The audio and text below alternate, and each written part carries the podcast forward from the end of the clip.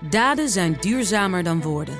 Bij PwC geloven we dat de uitdagingen van de toekomst vragen om een ander perspectief. Door deze uitdagingen van alle kanten te bekijken, komen we samen tot duurzame oplossingen. Zo zetten we duurzaamheidsambities om in acties die ertoe doen. Ga naar pwc.nl. De BNR Techniek Tour wordt mede mogelijk gemaakt door Techniek Nederland. De makers van morgen. BNR Nieuwsradio. De Techniek Tour. Carlijn Meinders. Een crisis vraagt om geduld, flexibiliteit en solidariteit. Het vraagt om anders leven en anders werken. Het betekent voor veel mensen en bedrijven de moeilijkste periode die ze ooit hebben gekend. Maar een situatie als deze maakt ook dingen mogelijk. Kansen om opnieuw te beginnen bijvoorbeeld, ruimte voor verbetering. In deze aflevering kijk ik naar twee innovatieve producten waar zorgmedewerkers op dit moment erg mee geholpen zijn. En ik vraag me af, wat blijft er van al die mooie initiatieven die we nu zien hangen? Ik begin met iets wat we allemaal een beetje meer zijn gaan waarderen.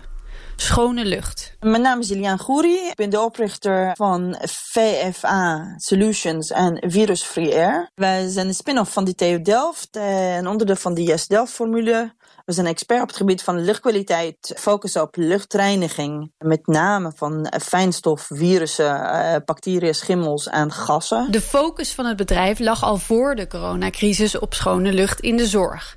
En dat was toen al niet zonder reden. 10 tot 30 procent van de mensen die gaan ziekenhuis in, gaan uit met iets anders. Het is niet allemaal natuurlijk door de lucht, maar dat kan een aanzienlijk aandeel zijn, inderdaad. Uh, dat hoeft niet per se te betekenen dat eigenlijk gewoon die, die, die uh, pathogenen zweven zomaar in de lucht. Maar het kan ook te maken hebben met hoe je bijvoorbeeld die bedden uh, schoonmaakt. Als je gaat gewoon verwapperen met, met, die, met de sheets, dan komt van alles eigenlijk in de luchtbehandelingkasten uh, of in de kanalen. En dan is ineens is wel airborne. Dan gaat het zichzelf wel verplaatsen. Wat hebben jullie daarvoor als oplossing bedacht? Nou, onze luchtreinigers eigenlijk zijn elektrostatische luchtreinigersystemen. Die haalt de lucht uit de ruimte, leidt dit naar een, een uh, ionisatiesectie waar in, bij ionisatie dan heb je het eigenlijk over elektrostatisch elektrisch veld gewoon. Waar de deeltjes en pathogenen en alles wordt, uh, krijgt een extra uh, elektrische lading. Pathogenen zoals bij virus en bacteriën vinden ze het eigenlijk niet fijn. Dus wat gebeurt is dat ze eigenlijk gewoon, ja, uh, gaan ze dood. Dood of gedeactiveerd. kun je hiermee het volledig vrijmaken van deze deeltjes, de lucht? Er zijn altijd gewoon van continu bron in de ruimte. Dus uh, om het volledig, volledig 100% wel uit te halen, dat lijkt me niet reëel. Want de personen zitten daar. Uh, bij iedere keer dat we onze mond open doen, uh, komt van alles eigenlijk uit. Dus uh, er zijn bronnen, zowel van de patiënten als van die personeel zelf. Maar ook die sheets, echt gewoon van die laken, uh, van onze kleren, van onze haren. We nemen met ons ook heel veel troep mee. Dus eigenlijk is het zo dat, dat alle lucht die in het systeem terechtkomt, die is helemaal gezuiverd, 100%. Precies dat. Maar niet alle lucht komt automatisch in het systeem, want dan zou je je hele muur uh, aan uh, afzuigsysteem moeten bouwen waarschijnlijk. Precies dat. Wat wij wel eigenlijk altijd wel naar kijken, is dat we implementeren voldoende zuiveringcapaciteit, waar je mee minimaal 80% van die vervuiling en de virussen uit de ruimte weghaalt. Maar alles wat in het systeem terechtkomt, dat wordt zeker gereinigd en gezuiverd. Duidelijk. Kom je als virusdeeltje of fijnstofdeeltje of zelfs ultra-fijnstofdeeltje in het systeem terecht, dan is het einde oefening. Ook een deel van de bacteriën en schimmels komt op deze manier aan hun einde. Een filter vangt de dode deeltjes op en schone lucht komt er aan de andere kant weer uit. 100% schone lucht in een ruimte, dat is niet haalbaar zolang er mensen en spullen aanwezig zijn die als bron voor nieuwe deeltjes dienen. Maar met 80% komen ze heel ver. Toen het nieuwe coronavirus uitbrak, waren er dubbele gevoelens bij Gouri en haar collega's. Aan de ene kant, dit is waar wij goed in zijn, dit is ons moment. En aan de andere kant, heel vervelend dat dit moment gepaard moet gaan met een globale crisis. Maar lang nadenken kon niet, want het aantal aanvragen schoot met meer dan 300% omhoog zoveel van ziekenhuizen, maar eigenlijk in heel veel andere zorginstellingen. Zelfs bij tandartsen, op de chains of eh, anything die met de zorg te maken heeft. Dus we, we, hebben wel zelf eigenlijk moeten kunnen opschalen, maar ook in heel veel in samenwerkingen met andere partners. Toeleveranciers van componenten als partner installatiebedrijven, dealers. Dat moest nu echt aardig de blue echt gewoon van de grond eigenlijk wel even heel snel komen. Jullie hoeven eigenlijk niks aan te passen, neem ik aan, aan je installatie. Dit, dit werkt al gewoon voor een virus zoals het coronavirus, toch? Correct. Nou, de techniek is niet aangepast, zeker niet. Echter, we moesten echt innovatie in die crisis eigenlijk toch wel toepassen. En dat houdt in simplification eigenlijk. Het gemakkelijker maken van het maakbaarheid van onze systemen. Dat heeft te maken met snelheid waar je het product kan maken. Daarbij, we hebben ook eigen pijnpunt. En dat is überhaupt de beschikbaarheid van de componenten. Hoe onze systeem originally was, is nu niet te maken. Gewoon heel simpel. Misschien is zo'n systeem ook niet verkeerd op scholen of bijvoorbeeld in de supermarkt, waar slechte ventilatie ervoor kan zorgen, laat recent onderzoek zien, dat virusdeeltjes, wanneer iemand niest, makkelijk tot in het gangpad ernaast kunnen komen. Er is nog iets waar Gouri in reactie op de crisis aan heeft meegewerkt. Met haar bedrijf zit ze samen met partijen als Damen Shipyards en de TU Delft in de stichting Airwave. Daarbinnen ontwierpen ze een veilig alternatief voor de mondmaskers van zorgmedewerkers die met coronapatiënten werken. Misschien heb je hem wel voorbij zien komen. Een snorkelmasker met een luchtpomp eraan. Een snorkelmasker maar wel integratie met een pappersysteem. Dat is eigenlijk letterlijk een beademingssysteem vanuit de lasindustrie. Dan integreren we die twee systemen samen met een goede filter. En wat je, creëert, wat je creëert is eigenlijk gewoon een hele effectieve en veilig mondmasker met een overdruk in de masker. Dat je eigenlijk geen infiltratie krijgt, maar je krijgt een full face bescherming. Het masker is inmiddels helemaal goedgekeurd en wordt voorlopig door vier ziekenhuizen in gebruik genomen. Het luchtfiltersysteem, het alternatieve mondmasker. Het zijn niet de enige twee toepassingen die met versnelde vaart hun weg naar ziekenhuizen vinden. Hetzelfde geldt voor het product van Daan Hoek en zijn collega, waar ze al sinds 2017 aan werken. samen met Thijs Kea heb ik UV Smart opgericht. En wij ontwikkelen innovatieve desinfectiemethodes op basis van UV-licht voor de zorgindustrie. Het gebruiken van UV-licht voor desinfectie, dat is niet nieuw. Maar de manier waarop UV Smart het gebruikt, wel. UV-licht is zo oud als de weg naar Rome, zeggen we ook wel eens. Uh, volgens mij werd het al voor het eerst toegepast uh, begin 1900 in uh, waterzuiveringsinstallaties. En dat wordt ook al jaren toegepast in, in luchtdesinfectie. Maar specifiek toepassen eh, voor oppervlakte en objectendesinfectie in de zorg, dat is nieuw. En daar hebben wij een aantal trucjes op bedacht. Oorspronkelijk wilde Hoek tablets en smartphones gaan reinigen in de zorg. Maar toen ze daarmee aan de slag gingen, bleek er in de ziekenhuizen zelf een behoefte te zijn aan iets anders. Ja, wij kwamen met het idee voor telefoons en tablets, maar zij vonden de techniek veel interessanter om op een, in een hele korte tijd allerlei objecten te desinfecteren, vonden ze veel interessanter. maar dan wil ze het wel echt op een medisch vlak hebben. Dus dan moet je denken aan allerlei medische objecten die in en om een patiënt worden gebruikt. Ja, en dan zijn de eisen natuurlijk ook wel wat anders dan als je een schone telefoon wil hebben. Ja, klopt. Je bewijslast uh, ligt een stuk hoger. ja, omdat je in contact komt met, met de patiënt en ook met zorgverleners. dus je moet wel kunnen garanderen dat je altijd een goede desinfectie hebt. Hoe werkt UV precies? Wat doet het waardoor een oppervlakte in dit geval gereinigd wordt? Wat UV-licht doet, uh, is eigenlijk in het kortste breken uh, het DNA van alle micro-organismen, uh, maar ook levende wezens. Dus op het moment dat er je een DNA-streng hebt, dan wordt die gebroken. En dat betekent dat het organisme wat daar, die het DNA heeft, doodgaat en zich niet meer kan voortplanten. Als je nu denkt, is dat dan ook wat de zon met ons huid doet? Dan is het goed om te weten dat het hier om een ander soort UV-licht gaat dan waar we hier in Nederland gemiddeld in rondlopen. Nou, je hebt eigenlijk de drie bandbreedtes eh, van UV: UVA, UVB en UVC.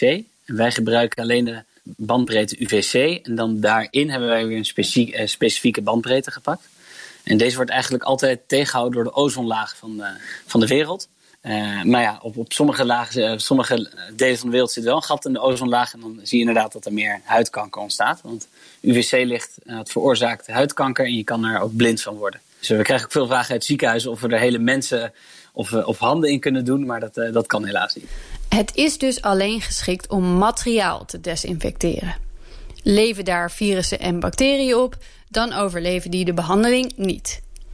Er is wel één nadeel van UVC-licht. Voor het oog doet het weinig. Een bloedvlek, bijvoorbeeld als die erop zit, die zie je nog steeds zitten. Alleen het is inactief en het is dood. Ja, het is dus eigenlijk hygiënisch schoon, maar niet voor het zicht schoon. Precies. Dus je moet van tevoren ook altijd, uh, en hoe het ook wordt toegepast in ziekenhuizen, je moet er uh, zichtbare verontreiniging, dat moet je er eerst afhalen. En wat was het moeilijkste om voor elkaar te krijgen hierbij, bij het ontwikkelen van dit product? Nou, een van de nadelen die uh, UVC-lampen hebben en de technologie is dat de kwaliteit van de lamp bij ons naar achteruit gaat als je hem in- en uitschakelt. Uh, dus dat moesten we oplossen. Ten tweede moet je ook zorgen dat het UV-licht overal komt. Want ja, als, als er schaduw is, dat betekent dat het licht er niet is en het dus ook niet gedesinfecteerd is. Uh, en voor de rest moesten we natuurlijk ook de, alle klinische bewijslasten opbouwen. Dat uh, wat wij claimen, uh, dat het ook echt werkt. Het is uiteindelijk nu denk ik een kastje waar je iets in legt. Ja, het is eigenlijk ter grootte van een, van een printer ongeveer. Hij is 50 bij 50 centimeter en ongeveer 30 centimeter hoog. Dus het is een grote, grote doos, zeg maar.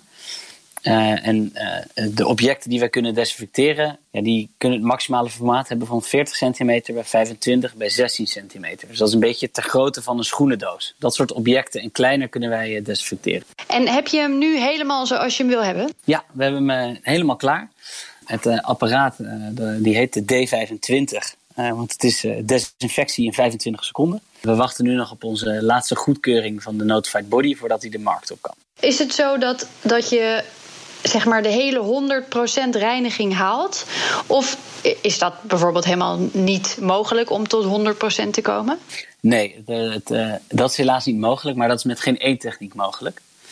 Uh, want in de medische industrie gaat het uh, werk je op logreducties. Dus dat betekent, dat zie je ook wel eens, het gaat tot 99,9999. Dus het, het gaat er eigenlijk om hoeveel negens na de komma je kan schoonmaken, om maar zo te zeggen. En hoeveel halen jullie? Wij halen een, een log 5. Dus dat betekent uh, 99 met drie negens erachter. Dus een totaal vijf negens. Dat is een log 5. De Techniek Tour. Ze wachten nog op één laatste validatie en dan is het product good to go. Vergeleken met hoe het ging, niet in grote stoomapparaten of omslachtig met doekjes, scheelt deze oplossing behoorlijk veel tijd en moeite. Maar dit speelde dus eigenlijk allemaal al voor de huidige crisis uitbrak. Wat heeft de komst van een wereldwijde pandemie voor effect gehad op UV Smart? Uh, ik weet nog goed, op uh, zondagavond uh, 15 maart werden wij gebeld door een van onze partnerziekenhuizen. De klinische bewijsvoering moeten we natuurlijk uitvoeren bij, bij ziekenhuizen. Dus we hebben ook goed contact met een aantal ziekenhuizen in Nederland. En die belden ons op met het probleem van, van de mondmaskers waar ze nu mee zitten. Uh, en of wij daar een, een, oplossing voor konden bieden. We zeiden, nou ja, we, we hebben het apparaat de D25 hebben we staan. En uh, die kunnen we morgenochtend bij jullie brengen om, om onderzoek te doen. Want wij weten het zelf eigenlijk ook niet of we mondmaskers kunnen doen. Want die, ja, die mondmaskers die zijn eigenlijk bedoeld om niet te herten te gebruiken. Het zijn allemaal disposables. Twee weken hebben ze onderzoek gedaan. Ze testen met andere coronavirussen, keken of ze alle lagen van de maskers konden bereiken en of de filter na de disinfectie nog goed genoeg werkte. Dat zag er allemaal goed uit. De filter werkte zelfs na acht keer reinigen nog even goed als een gloednieuw mondkapje. Dat resulteerde in aanvragen vanuit de hele wereld. Dit jaar hadden ze gerekend op een productie van 75 stuks. Maar dat werden er vanaf 15 maart tot nu ineens 250. De 14 mannen en vrouwen van UV Smart moesten dus even wat nachten doorhalen om dat voor elkaar te krijgen. Dan was er alleen nog één probleem. De keuring was nog niet helemaal rond. Wat doe je dan? Met uitzondering mochten ze van het ministerie van VWS een noodversie leveren tot de officiële versie wordt goedgekeurd. De werking is precies hetzelfde, alleen hij ziet er iets anders uit. Omdat die noodversies moesten we zo snel maken en zo snel opschalen dat we ja, een heel simpel kastje ervan hebben gemaakt. Uh, en de uiteindelijke versie uh, die heeft ook wat meer toevoegingen, zodat het beter werkt. Ziet er wat mooier uit. Er zit een beeldscherm op. Hij gaat uh, automatisch open. Ze worden nu dus al op corona-afdelingen gebruikt. Als iemand de afdeling afgaat, kan de bril, het mondmasker of de stethoscoop onderweg naar buiten even het apparaat in. Inmiddels komen er ook aanvragen van buiten de zorgsector. Grote kantoorgebouwen zien het bijvoorbeeld ook wel zitten dat hun medewerkers bij het komen en gaan even hun spullen kunnen desinfecteren. UV Smart, VFA Solutions. Het zijn voorbeelden van bedrijven die op het juiste moment klaar stonden met het juiste product. Maar voor veel anderen is het schakelen.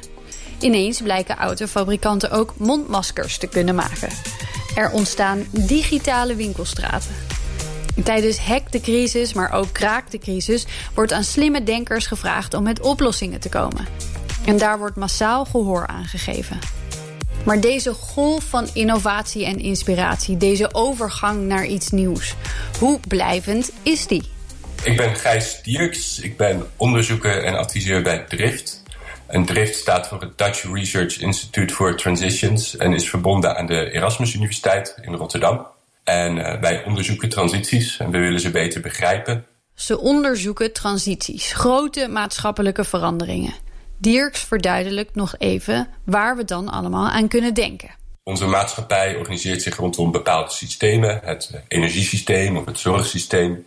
En die systemen die uh, optimaliseren zich normaal gesproken. Ze worden steeds beter, efficiënter, slimmer. Maar eens in de zoveel tijd dan ja, gaan ze een radicale transformatie door. En dat noemen we dan een transitie. Dus de transities die je nu ziet, dat zijn dan de energietransitie van fossiel naar duurzaam. Of de mobiliteitstransitie. Dat soort grote processen bestuderen we. Drift helpt bedrijven en mensen bij het tastbaar maken van zo'n transitie. Ze zetten de juiste slimme koppen bij elkaar, denken mee over opschalen en over hoe je zorgt dat iets blijvend is. Want pas dan is er natuurlijk echt sprake van een transitie. Wat gebeurde er met Dirks toen bekend werd dat we te maken hadden met een wereldwijde virusuitbraak? Ik ging echt uh, acuut in de knowledge mode, zoals ik dat maar ben gaan noemen. Dus uh, toen half Nederland uh, naar de supermarkt rende om wc-papier te halen, toen ging ik mentaal hamsteren en wilde ik echt zoveel mogelijk begrijpen en duiden van wat is dit nu en wat gebeurt er nou om me heen. En, en, en vanuit die behoefte ben ik ook met collega's toen gaan praten. Wat, wat betekent dit voor transities? En moeten we hier nou iets van vinden? Of moeten we nu juist wachten? En, en, en daar hebben we toen ook een stuk over geschreven. Omdat we toch dachten van ja, we weten hier iets over. We moeten iets zeggen over de rol van crisis in transities. Tegelijkertijd willen we ook niet onze eigen waarheid gaan roeptuteren. Dus we willen dat ook meer uh, uitnodigend doen. Dus toen hebben we een stuk geschreven die uh, onze eerste reflecties een beetje deelde met de wereld. En vooral ook een oproep was om mee te denken en mee te duiden. En dat is toen uitgemond in de, in de co-creatieborrels, zoals we die zijn gaan noemen op vrijdagmiddag. En hoe verloopt dat tot nu toe? Ja, heel leuk. heel wisselend, maar ja, het is een beetje een uit de hand gelopen experiment. de eerste keer dat we dat deden, toen, toen zei Dirk, de, directeur van Drift, waar we dat samen hadden opgezet. Van nou ja, ach, ook al zijn we met z'n eh, drieën, dan kunnen we nog even lekker doordenken over wat er precies gebeurt. En toen sloten er 220 mensen aan. En dat, dat kabbelt nu zo, zo door. En elke week zijn er nog steeds meer dan 100 mensen die aansluiten. Nou is dit een heel mooi gedachtegoed. Maar voor veel mensen misschien nog wel wat abstract. Wat zijn nou tastbare reacties op de crisis waar Dirks echt blij van wordt? Ja, je hebt natuurlijk die, die acute innovaties, uh, vooral medisch. Uh, die zijn heel inspirerend om te zien en vooral ook de manier waarop ze tot stand komen. Open science is in één keer de norm. Iedereen deelt alles met elkaar. Nou, als je dat niet doet, krijg je ook de volle laag. Zoals Roche ondervond toen ze hun recept uh, voor die testen niet wilden delen. Um, en je ziet allemaal grote bedrijven het een soort van maatschappelijke urgentie opstaan. Auping die mondkapjes gaat maken, Bavaria die desinfecterende handje gaat maken. En eigenlijk zijn er heel veel voorbeelden van. Ook meer de, de garageprojecten van die uh, decathlon snorkels... die toch ook in één keer als mondkapje kunnen worden ingezet. En mensen die zelf beademingsapparatuur gaan maken. Mensen die echt wel er kennis van hebben, maar niet in één keer de grote partijen. Dus de studenten in Delft bijvoorbeeld. Nee, de leukste categorie vind ik uh, die innovaties die zich eigenlijk al een hele lange tijd onder de radar ontwikkelden... en nu in één keer doorbreken en opschalen.